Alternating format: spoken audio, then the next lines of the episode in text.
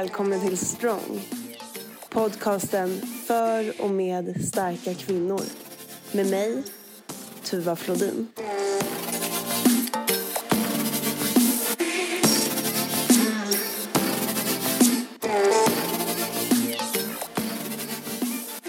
Välkommen till podden Malin Lindqvist. Tack så jättemycket. Så jäkla kul att vara här. Ja, det känns otroligt kul att du ville vara med och för mig är det en eh, för mig är det nästan lite pirrigt. Jag är lite smånervös för att i mitt första avsnitt så nämnde ju jag dig som en kvinna som inspirerar mig och hade dig som så lite drömgäst. Det är, ja, nu är jag här.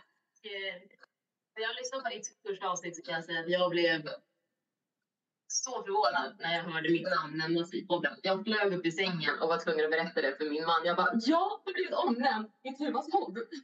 Eh, jag blev väldigt chockad och väldigt glad av att få höra det.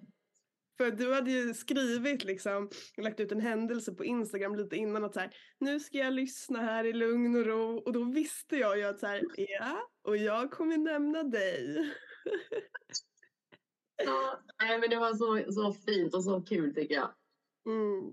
Ja men vad härligt. Jag blev jätteglad att du sen ville vara med här i podden och eh, det är lite komplicerat när man inte är i samma land eller samma stad men vi ska göra det bästa vi kan här för att eh, du är ju i Spanien just nu. Jajamän, eh, är här och utnyttjar lite föräldradagar så att eh, ja, jag håller tummarna så att ljudet funkar. Ja men precis och skulle det vara så att det låter lite konstigt eller så så får ni hålla till godo för att det här kommer bli en sjukt spännande intervju. Jag är helt övertygad om det.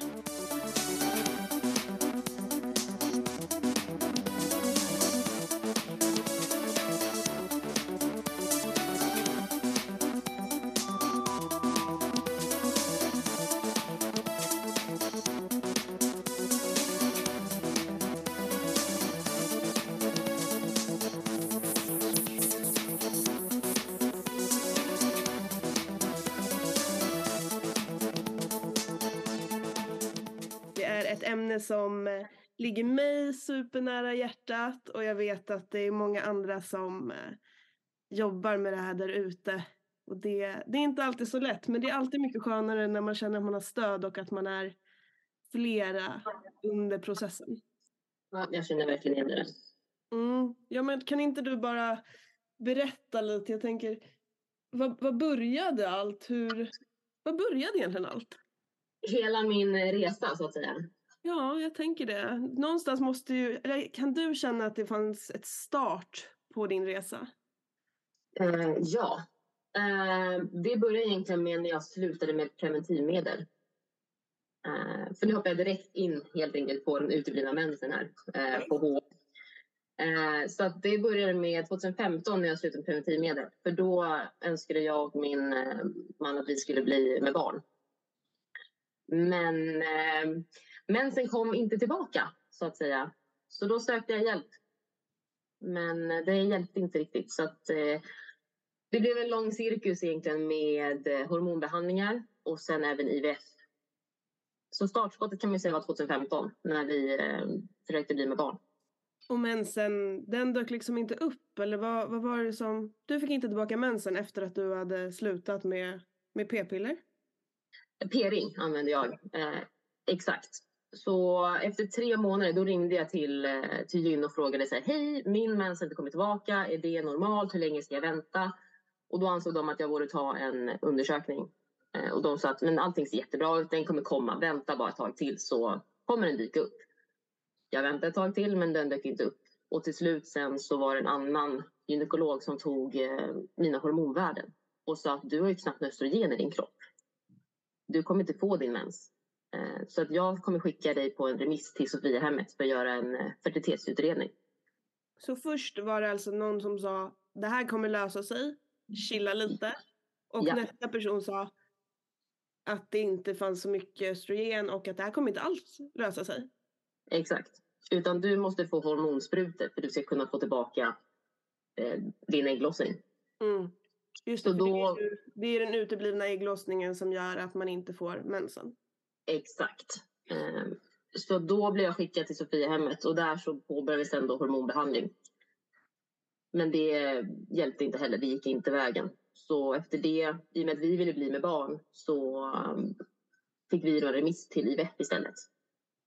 Och då, eftersom det var så lång väntetid, det var åtta månaders väntetid då, så ehm, mm, det är ganska långt. Så då eh, dröjde det till 2017 när vi fick göra vår första IVF. Men IVF funkar inte heller så då gjorde vi två IVF och det gick åt, eh, åt fanders. Eh, Vad är det man vill åstadkomma med IVFen? resultatet är ju ett barn. ja, jo. Dig lurar man inte. Men jag tänker så här, om du inte hade mens och så får du Mm. hormonsprutor. ja, Varför Ja, skulle alltså- du inte gå på egen väg då? Förstår du? Om man ligger lite sen. Ja, du tänker att jag får hormonsprutorna och sen bara att man ligger lite eller? Mm. Exakt. Okej, eh, det var det vi provade först. Eh, innan IVFen, då gjorde vi en hormonbehandling och då, den hormonbehandlingen gick ut på att jag skulle få en äggblåsa som växer till ett moget ägg. Och sen efter det så när den är mogen då, då får, ger de typ en signal. Bra, nu ska ni ligga lite då så hoppas vi på det bästa. Mm. Men jag fick aldrig, det kom aldrig så långt att jag fick ett moget ägg. Mm. Eh, utan antingen så fick jag inga alls eller så fick jag att det mognade alldeles för många. Och då är ju chansen, eller chansen snarare risken kanske att man blir gravid med femlingar. Och det kanske man inte riktigt vill, vill bli. Ehm, nej, men sen då IVFen då är det ju snarare att då behöver det inte ligga någonting. Utan Nej. då, då vill jag ha så många äggblåsor som möjligt. Så då blir ju liksom proppad med hormoner för att få så många äggblåsor som möjligt att växa. Mm. För att sen då befrukta dem med spermier och sen hoppas man att det utvecklar sig till embryon som man kan sen återföra. Just det, och allt det här sker ju på labb. Ja, Precis. exakt. Jag såg ju några inlägg du hade gjort där på, på Instagram när du åker liksom med en liten burk innanför jackan. Ja, jag hade den, eh, ja exakt, det var en burk med eh, med Kristoffers spermier eh, när jag skulle åka till Sofiahemmet för att göra en eh, återinföring och då behövde de ju ha att spermien skulle vara varm fortfarande. Just det. Ja, så det kändes lite konstigt att åka på tunnelbana med spermier mellan brösten. Men det är en upplevelse det i sig. Ja, det kan man ju också ha gjort på lite andra vis men ja. Nej, skämt åsido. Men jag bara tänkte så här, vad, vad, vad sjuka grejer ändå alltså, man måste utsättas för eh, i den här processen ändå. Som man liksom inte tänker är så märkliga. Nej, alltså jag tog nästan för givet att vi skulle kunna bli gravida inom ett år. Eh, när vi började försöka bli med barn. Men sen då när, när eh, min ägglossning uteblev, då upptäcker man att men någonting är ju fel i min kropp. Mm. Men tyvärr så dröjde det väldigt länge för mig att inse själv att det var jag som var problemet. Mm. Jag litar ju väldigt mycket på att läkarna som sa till mig att du, du ser hälsosam ut. Du har normal vikt, du verkar ha en bra livsstil. Lev på som vanligt. Det var det liksom jag fick höra av dem och då trodde inte jag att, att det var jag som gjorde att jag hade utebliven mens. Mm. Men det uppvaknandet kom då först ja, men 2020. Så nästan fem år efter att jag har varit i, i vårdens händer och fått deras hjälp. Mm. Eh, då insåg jag att men det är ju jag som har gjort så att jag har utebliven ägglossning. Det är min livsstil som är helt fel Mm. eh, för min kropp. Så att eh, det var då jag tog tag i min, i min läkning på riktigt. Eh, och ändrade om och gjorde massa livsstilsförändringar. Och det var tack vare livsstilsförändringar och ja, lite hjälp av kinesisk medicin också tror jag. Eh, som gjorde sen att vi blev gravida. Eh, och nu har jag liksom fått tillbaka min ägglossning. Så nu, nu är den ju tillbaka. Så att nu är jag ju nu är jag riktigt glad över det. Så jag har ju lyckats läka min kropp på egen hand. Eh, vilket är så jäkla stort tycker jag. Verkligen, det är helt fantastiskt. Jag ryser lite, nu, nu ser jag inte lyssnarna det, men jag får lite så här, lite ståfräs på benen. Mina liksom eh, benhår där sig lite för att jag, eh, jag vet inte, det här är så himla viktigt för mig. Men det är väl nog också för att jag själv eh, inte har mens och den kommer liksom inte tillbaka och att jag och min sambo har försökt att bli gravida i flera år utan större framgång så eh, Det här är så, mm. det är så viktigt för, för mig det här och därför när du vill dela med dig så eh, speciellt när mm. det finns framgångs framgångssagor också. Jag blir, ja, det tar liksom direkt in i hjärtat på mig. Jag blir jätteberörd. Men jag blir ju såklart då nyfiken på hur jag ska lösa min egen situation. Eh, och eh, vad är liksom tipset för någon som har ja, men HA då, utebliven mens? Mm. Eh, först och främst så allas kroppar är olika såklart. Ehm, och man måste nog adressera vad är det för stressorer som man har själv. I mitt fall så var det att jag tränade nästan alla dagar i veckan. Jag åt extremt strikt. Jag var fullt vegan eh, ut, och sen så uteslöt jag gluten, uteslöt socker, jag uteslöt nästan så mycket fett som möjligt. Ehm, så jag levde väldigt, väldigt strikt. Ehm, för det var det jag trodde var det hälsosamma. För trenden var att go vegan och det är absolut en vegansk kost. Jag älskar den. Men tydligen så funkar kanske inte den så bra för mig. Speciellt inte heller när man vråltränar. Som jag gjorde då. Utan man måste ta allting i relation till någonting. Ehm, det kan ju vara också det att hur stressad man är på jobbet. Så att man måste liksom hitta vart är sin stress någonstans. Men mina go-to-tips, om man ska ändå ge några sådana, är att kolla hur mycket man tränar hur mycket återhämtning får man i relation till sin träning? Alltså hur är sömnen? Hur, tar, liksom, hur stresshanterar du på dagarna? Sen hur äter man? Hur är ens näringsvärden? Eh, jag gick och lämnade näringsprover hos en eh, naturläkare. Och där så kom det fram till att jag hade enorma brister på aminosyror. Det finns ju nio eh, essentiella aminosyror i vår kropp. Jag hade brist på sju av dem. Eh, sen saknade jag även D-vitamin, magnesium, järn, zink. Det var en hel radda med kosttillskott som jag fick ta av henne sen. Och det var ju på grund av att jag hade haft en så strikt kost. Så där också då, kolla hur kosten ser ut och äter man verkligen tillräckligt med energi. Eh, ett tips som jag skulle vilja ge, men som kan vara lite provocerande beroende på vad man har för bakgrund, kan vara att man räknar sina kalorier.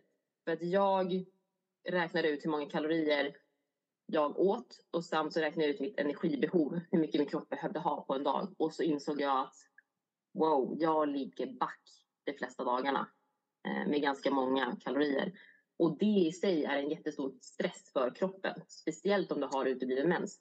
För kroppen måste ju känna sig trygg och då måste vi ha tillräckligt med energi och näring. För annars så kommer den känna att den är i ja, fight or flight. Den springer från lejon just nu. Då har den ingen möjlighet att kunna tänka alls på sin fertilitet. Um, och sen egentligen tänka på sin stresshantering. Jag börjar göra morgonyoga för att få liksom lite mjuk start. Eh, vilket kanske låter konstigt för jag jobbar som konditor så då gick jag upp klockan fem på morgonen. Så det slutade med att jag gick upp klockan halv fem på morgonen för att gå upp och göra min morgonyoga. Eh, men eh, jag gick och la mig väldigt tidigt på kvällarna om vi säger så. Så jag fick ändå minst åtta timmars sömn. Och sen så gjorde jag alltid lite morgonyoga. Eh, eller så gjorde jag yoga när jag kom hem. För det var ett sätt för mig att liksom landa och liksom komma ner i mig själv. Och ja, stresshantering helt enkelt. Mm. Jo, eh, du sa ju det att, att du hade vitaminbrist som du kollade hos en naturläkare. Mm. Såg man inte det på, på de vanliga blodvärdena som du tog hos en vanlig doktor eller, eller hur såg de värdena ut då? Vårdcentralen var inte jättetaggade på att ta blodprover. Mm. Eh, och de blodproverna jag tog där, de visade kanske att jag hade lite järnbrist. Eh, de tog inte på det här hela fulla spektrat som hon, naturläkaren gjorde. Eh, och skillnaden var också att hos naturläkaren så där gick hon in på cellnivå och såg näringsvärdet. Medan näringsvärdena som man lämnar på vårdcentralen är egentligen det som får ske, alltså det som, det som går runt i blodet just nu. Just eh, så att man får verkligen den här mer inlagrade näringsstatusen. Mm. Eh, så det var också därför jag tog det hos den här naturläkaren. Även fast det var väldigt dyrt. Men i efterhand alltså väldigt värt det. För att då fick jag ju reda på att okej, okay, jag måste börja äta lite annorlunda. Och det var efter det som jag började äta fisk och ägg igen. Eh, eftersom jag åt veganskt innan. Men jag började inte äta kött på en gång utan det gjorde jag först när jag kom till en kinesisk läkare. Eh, för att jag har ju hört, kanske många andra också har hört det, att akupunktur och kinesiska örter kan hjälpa eh, många olika saker, däribland utebliven mens. Så då tänkte jag att jag testar det. Och då sa hon direkt att eh, äter du kött? Nej det gör jag inte. Aj, aj, aj, du måste äta kött varje dag. Varje dag måste jag äta kött och minst två ägg också. Så efter det så har jag alltid ätit minst två ägg varje dag och kött varje dag. Ja, vad, det känns eh, vad skönt att du säger det för jag har nämligen en sån tid inbokad i januari så det kanske är, det kanske är liksom eh, rätt väg för mig att gå. Ja, jag tror ju stenhårt ändå på kinesisk medicin. Jag tror ju betydligt mer på den än den traditionella vården. Eh, vilket kanske låter lite hårt, men min erfarenhet av den traditionella vården har ju tyvärr inte hjälpt mig. Men det gjorde ju nu det kinesiska plus mina livsstilsförändringar. Precis, och det tillsammans ledde till att ni blev gravida på naturlig väg? Ja, på första ägglossningen som jag fick efter 11 år eh, så blev vi gravida på den. Vilket är helt otroligt. Ja, det är både helt otroligt men också eh, liksom magiskt. Det är ganska hoppfullt också känner jag att höra det. För det gör ju att det går liksom att lösa själv. Om man säger så. Ja. ja. Alltså kroppen är ju otroligt smart. Och den ger ju oss signaler hela, hela tiden. Men vi lever tyvärr i ett sånt samhälle där vi är så bra på att kanske egentligen stänga av våra signaler. För att vi hela tiden ska prestera, vi ska alltid nå den nästa saken hela tiden. Och vi, vi är ju tyvärr lite i ett ekorrhjul oftast. Och vi kanske inte liksom lyssnar inåt. Men när vi väl stannar upp och faktiskt lyssnar på vad kroppen säger innan det börjar skrika så kan man ju göra saker åt det. För våra livsstilsval gör ju... Det avgör hur vår kropp mår. Ja men precis, exakt. Men när du hade liksom HR då, hur, hur bemöttes eh, du av vården, den traditionella vården? Vad, vad tyckte de att du skulle göra? Eh, ta p-piller. Ja, ja, den känner jag igen. Jag hade den. Eh, jag fick det också till mig för några veckor sedan. Gick därifrån och var inte glad eftersom man själv vet att det eh, blir liksom det... på p-piller. Nej, det är inte lösningen. Det maskerar egentligen bara problemet. Men eh, tyvärr så var det, jag vet inte, jag har varit hos, jag räknade ut det förut, jag har varit hos 17 stycken gynekologer slash fertilitetsspecialister för att eh, få hjälp. Oh. Eh, och alla lösningar som var var ju ta de här tabletterna eller ta de här sprutorna. Mm. Det var ingen som tog upp någonting om, eh, om hur min livsstil var. Den enda som tog upp någonting frågade mig så här, men springer du mycket? Och då sprang jag ganska mycket. Eh, och då sa han, men vet du vad, dra ner på det. Du är okej spring tre gånger i veckan, max fem kilometer. Det var det tipset som jag fick när det kom till eh, att ändra min livsstil. Mm. Eh, så att tyvärr så tycker jag att eh, vården måste nog få lite mer information, kanske bättra på sin egen kunskap kring just HA. Mm. Att inte direkt gå till tabletter. Ja, jag tycker ändå att det, det känns um det känns lite konstigt att man går till folk som säger sig vara specialister på, på ämnet ändå. Jag tycker att en gynekolog borde väl liksom vara insatt i det och sen så går man därifrån och känner att man kanske har mer kunskap. Det blir, eh, det blir inte så himla hoppfullt. Mm. Nej, man blir mest frustrerad. Ja, och hur hanterar man det då när man blir sådär? Jag tänker, det är en ganska tuff resa och jag hör ju att den var ganska lång för dig. Ja. Hur, liksom, hur hanterar man det och känslan om sig själv och, och liksom känslan kommer jag aldrig, kommer det aldrig gå liksom? Kände du så någon gång? Ja, många gånger. Det har varit en eh, riktig berg och dalbana när det kommer till känslor. Det har varit allt ifrån jättehoppfull när man eh, tog hjälp första gången eller när man gick igenom IVF till att eh, ett stort typ mörker när man känner att det här kommer aldrig gå. Det är, min kropp är trasig. Det, det är bara mig det är fel på. Eh, varför funkar det för alla andra? För mig, nej, det, det går liksom inte. Så det har varit eh, alla spektrum. Från liksom avundsjuka, glädje, hopp, massa gråt. Så det har varit många blöta kuddar där hemma. Ja, jag, alltså jag känner ju verkligen igen det där. Och det var en sån grej som jag tänkte på att jag skulle fråga dig innan vi hade det här mötet. Att hur, hur jobbar man med avundsjuka och att liksom man blir ju glad när ens vänner berättar att de är gravida men när man själv har jobbat så många år för att nå det och inte löser det så alltså det, det suger till slut. Ja, det, jag håller med. Det är... Jag försökte bara inse att det är bara att acceptera känslan. Det är så här, jag är aldrig missunnsam utan när vänner berättat att de varit gravida, alltså gravida så har jag blivit så glad för deras skull. Men samtidigt så är det ett litet sting i hjärtat också på att okej, okay, det funkar för alla andra. Men inte för mig. Eh, och, så det blir en blandning av glädje och ledsamhet. Men det är en känsla som, man, eh, som jag i alla fall accepterade att det är så det är. Så kanske mitt liv kommer vara.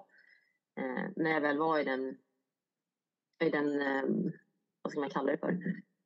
Ja, när jag var ofrivilligt barnlös helt enkelt så tänkte jag att jag får nog bara leva med den känslan.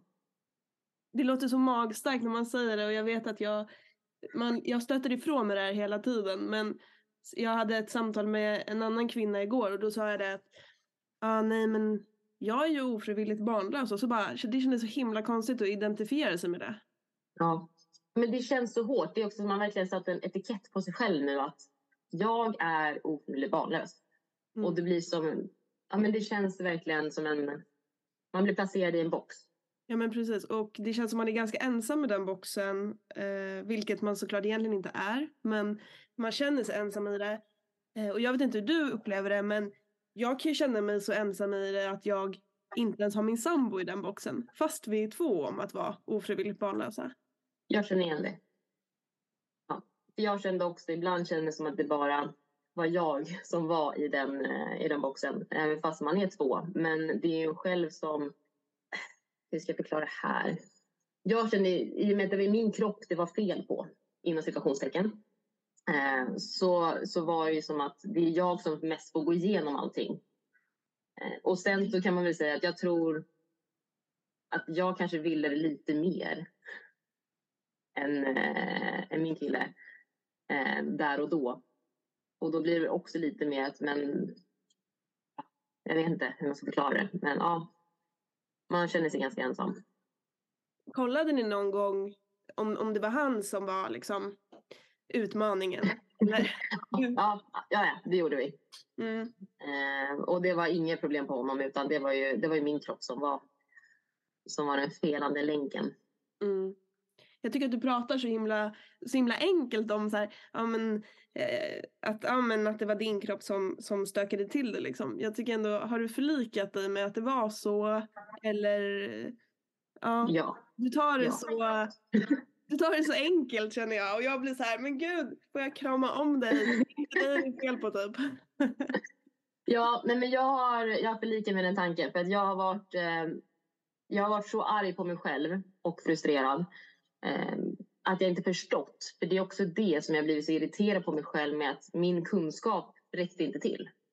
Jag förstod ju inte att jag gjorde min kropp någonting dåligt. Eh, att min livsstil som jag höll inte var egentligen alls bra för min kropp. Och det är väl det som har gjort att jag blivit så fly förbannad på mig själv. Men jag har ju insett det nu att det är ingen idé att jag är arg på mig själv. Utan det som, är, det som är gjort är gjort. Och nu får jag väl utnyttja istället min erfarenhet till att förhoppningsvis hjälpa andra som är i samma situation. Och kunna informera om att det går att få tillbaka sin mens.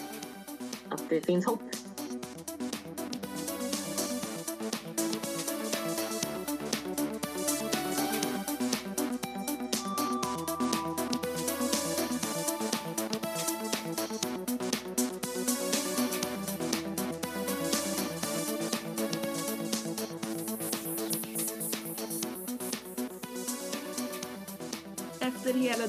Resa och allt som du har liksom lärt dig och tagit till dig och den kunskap som du har samlat så vill du hjälpa andra i samma sits helt enkelt. Ja, precis. Så nu vill jag utnyttja att jag har behövt gå igenom den här erfarenheten eh, med att kunna hjälpa andra kvinnor som är i samma situation. Eh, eller förhoppningsvis också till och med göra så att de inte hamnar i samma situation helt enkelt. Eh, för att det finns så mycket som vi kan göra själva men ofta så kanske det bara är kunskapsbrist som gör att man hamnar lite fel. Så att nu vill jag hjälpa andra kvinnor helt enkelt. Och därför har jag startat upp ett, ett företag som är riktat för, för kvinnor.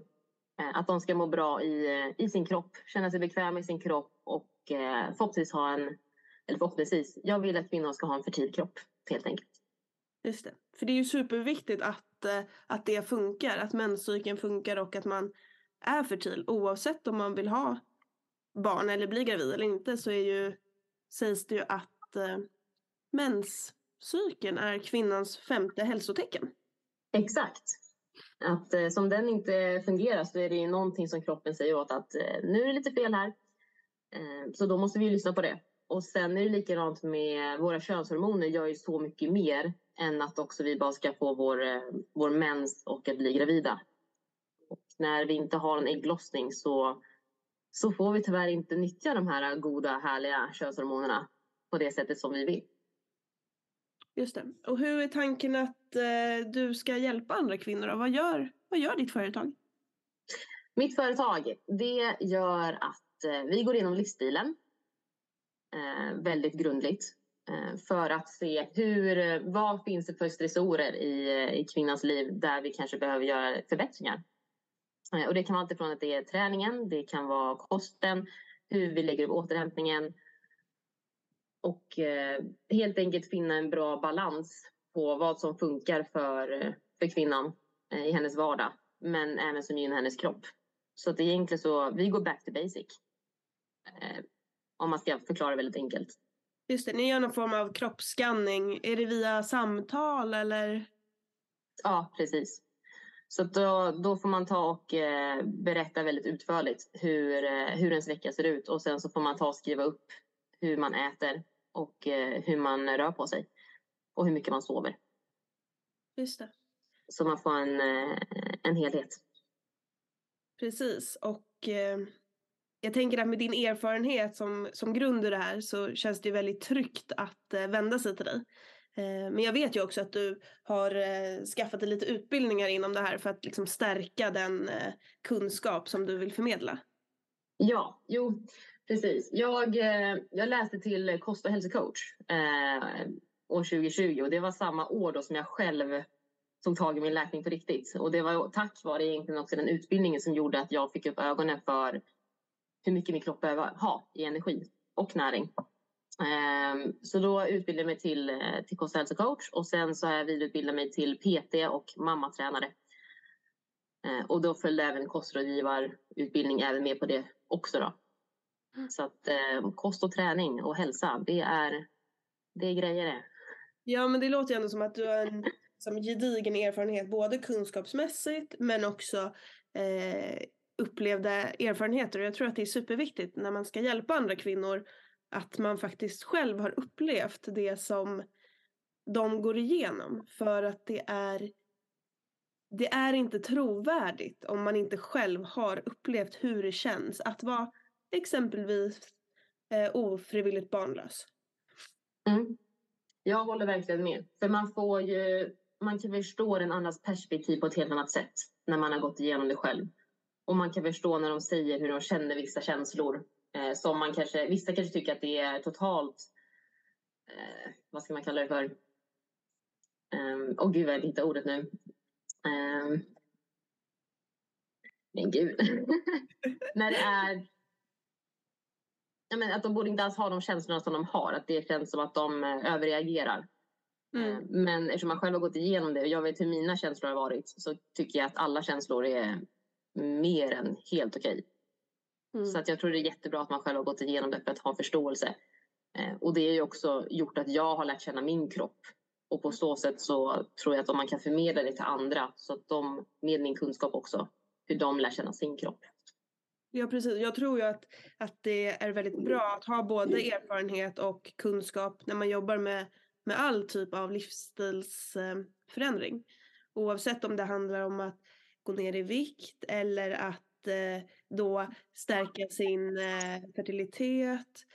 Eller om man eh, ska utmana sig själv och kanske göra någon form av eh, prestation i någon tävling eller så. Så är det väldigt viktigt att man själv har gått igenom det först. För att kunna sätta sig in i situationen och faktiskt vara det eh, komplexa stöd som jag tror är Mm. viktigt när man gör livsstilsförändringar. Mm. Jag håller helt klart med dig eh, på alla punkter. Vad skönt, höll jag på att Ja. säga. Det hade Ja. varit kul dock om vi tyckte olika så att vi kunde ha Exakt, men vadå, erfarenhet är inte viktigt överhuvudtaget. Så nej, jo det tycker jag. Jag känner också att jag skulle vara mer trygg och bekväm med att eh, söka hjälp hos någon som har gått igenom samma saker av det som jag behöver ha hjälp med. Eh, för då vet man också att först och främst det går att, eh, att lösa det ja, problemet om man ska säga det så som man har eh, och att man vet att en person på andra sidan kan få man har samma glasögon på som man, som man själv har. Att de kan sätta sig in verkligen i situationen. Och då tror jag att också om någon sätter sig in i situationen så känns det som att...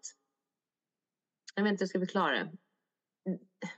Jag gör ju det här för att jag, jag vill ju verkligen hjälpa andra kvinnor nu för att jag har själv gått igenom det och jag vet hur jobbigt det här kan vara. Eller jobbigt det är. Mm. Och det är därför också jag brinner för att göra det. Och det är det jag tror att när folk har den erfarenheten av någonting så får man en annan glöd också av det. Ja precis och det märks ju när vi pratar här att du är ju otroligt eh, eh passionerad i det här ämnet. Du kan ju verkligen ge en känsla av att, att det här går att lösa och att jag ska hjälpa dig. Ja, gud vad fint att du, vad fint att du känner så. Tack. Så om det nu är någon som känner så, som lyssnar, Mm. hur, eh, hur tar man kontakt med dig? Eh, man kan gå in på min hemsida eh, som är www.malinlindqvist.se. Så mitt namn helt enkelt. Eh, eller så kan man eh, gå in på min Instagram. Det heter Malin understreck Sofie fast med två i. Eh, och eh, skicka ett eh, DM där. Ja men toppen. man- Jag, jag länkar dem, båda de två, din Instagram och din hemsida i Mm. beskrivningen för det här avsnittet. Så är det så att man vill kontakta dig så är det bara att gå in på beskrivningen av poddavsnittet så kan man enkelt hitta dina uppgifter. Toppen!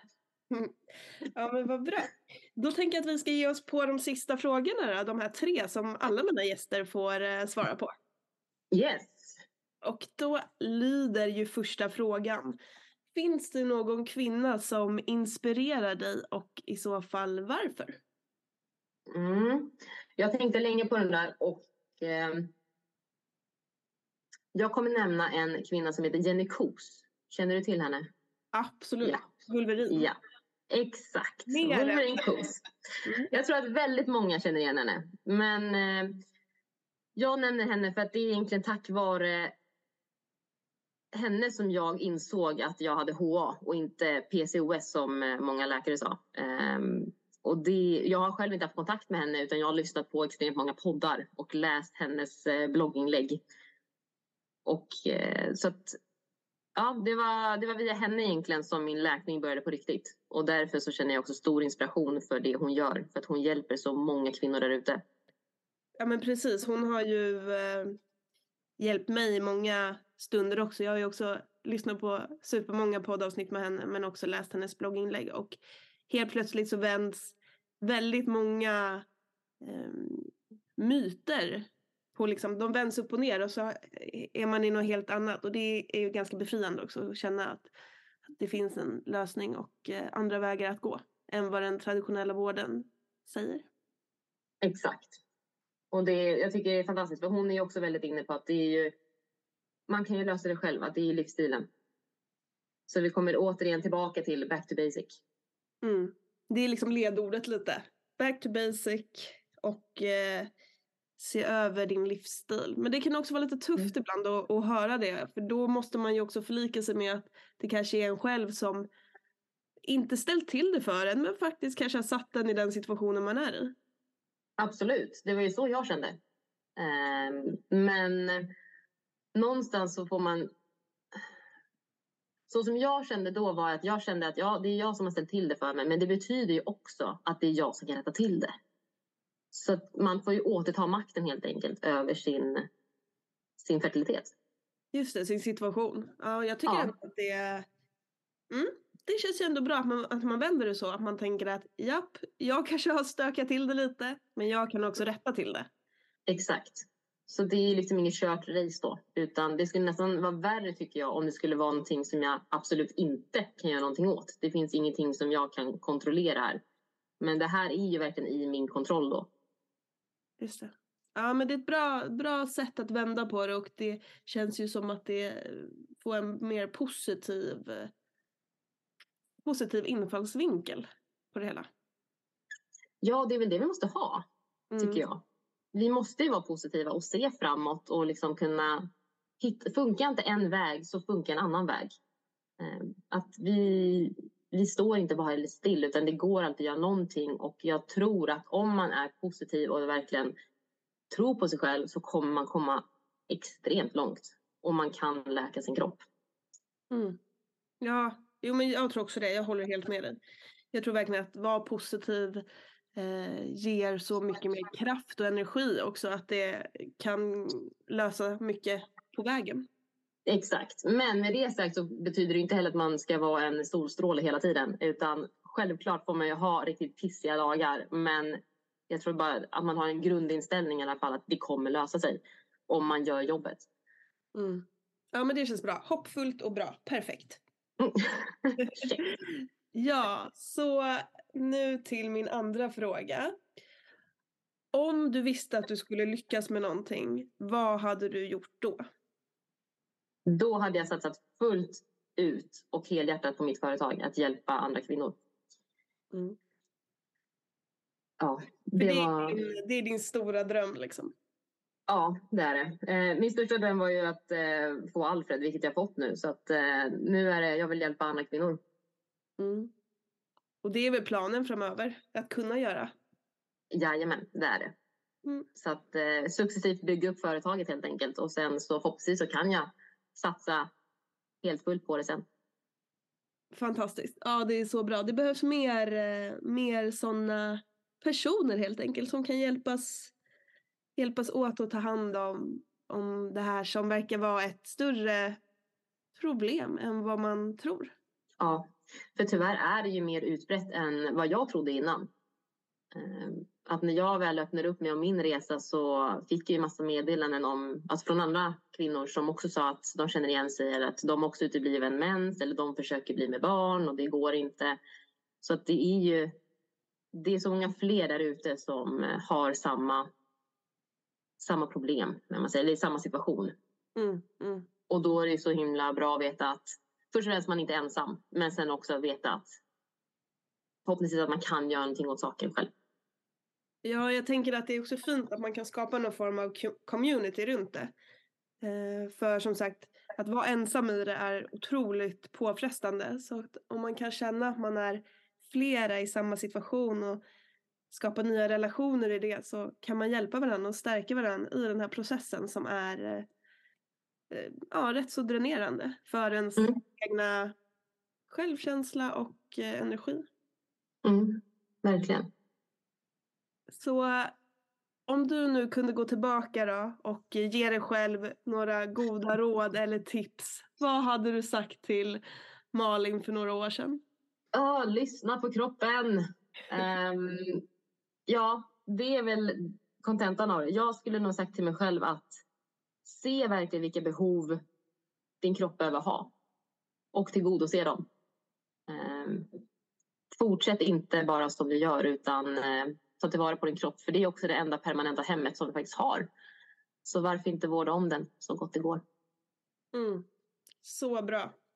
Superbra avslut på vårt eh, jättefina samtal. Vi hade kunnat suttit och grotta ner oss i de olika ämnena men jag tänker att vi lämnar det så här och eh, vill man höra mer så kan man jättegärna lämna en liten kommentar eller en eh, like eller så så att vi vet att man gärna skulle vilja få mer information om något av de här ämnena för att i så fall så skulle jag jättegärna vilja ha ett till avsnitt med dig där vi kan grotta ner oss i det ämne som lyssnarna gärna vill höra mer om.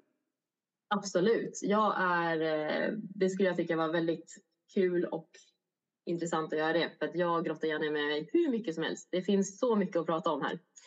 Så det här var egentligen bara som en liten skrap på ytan.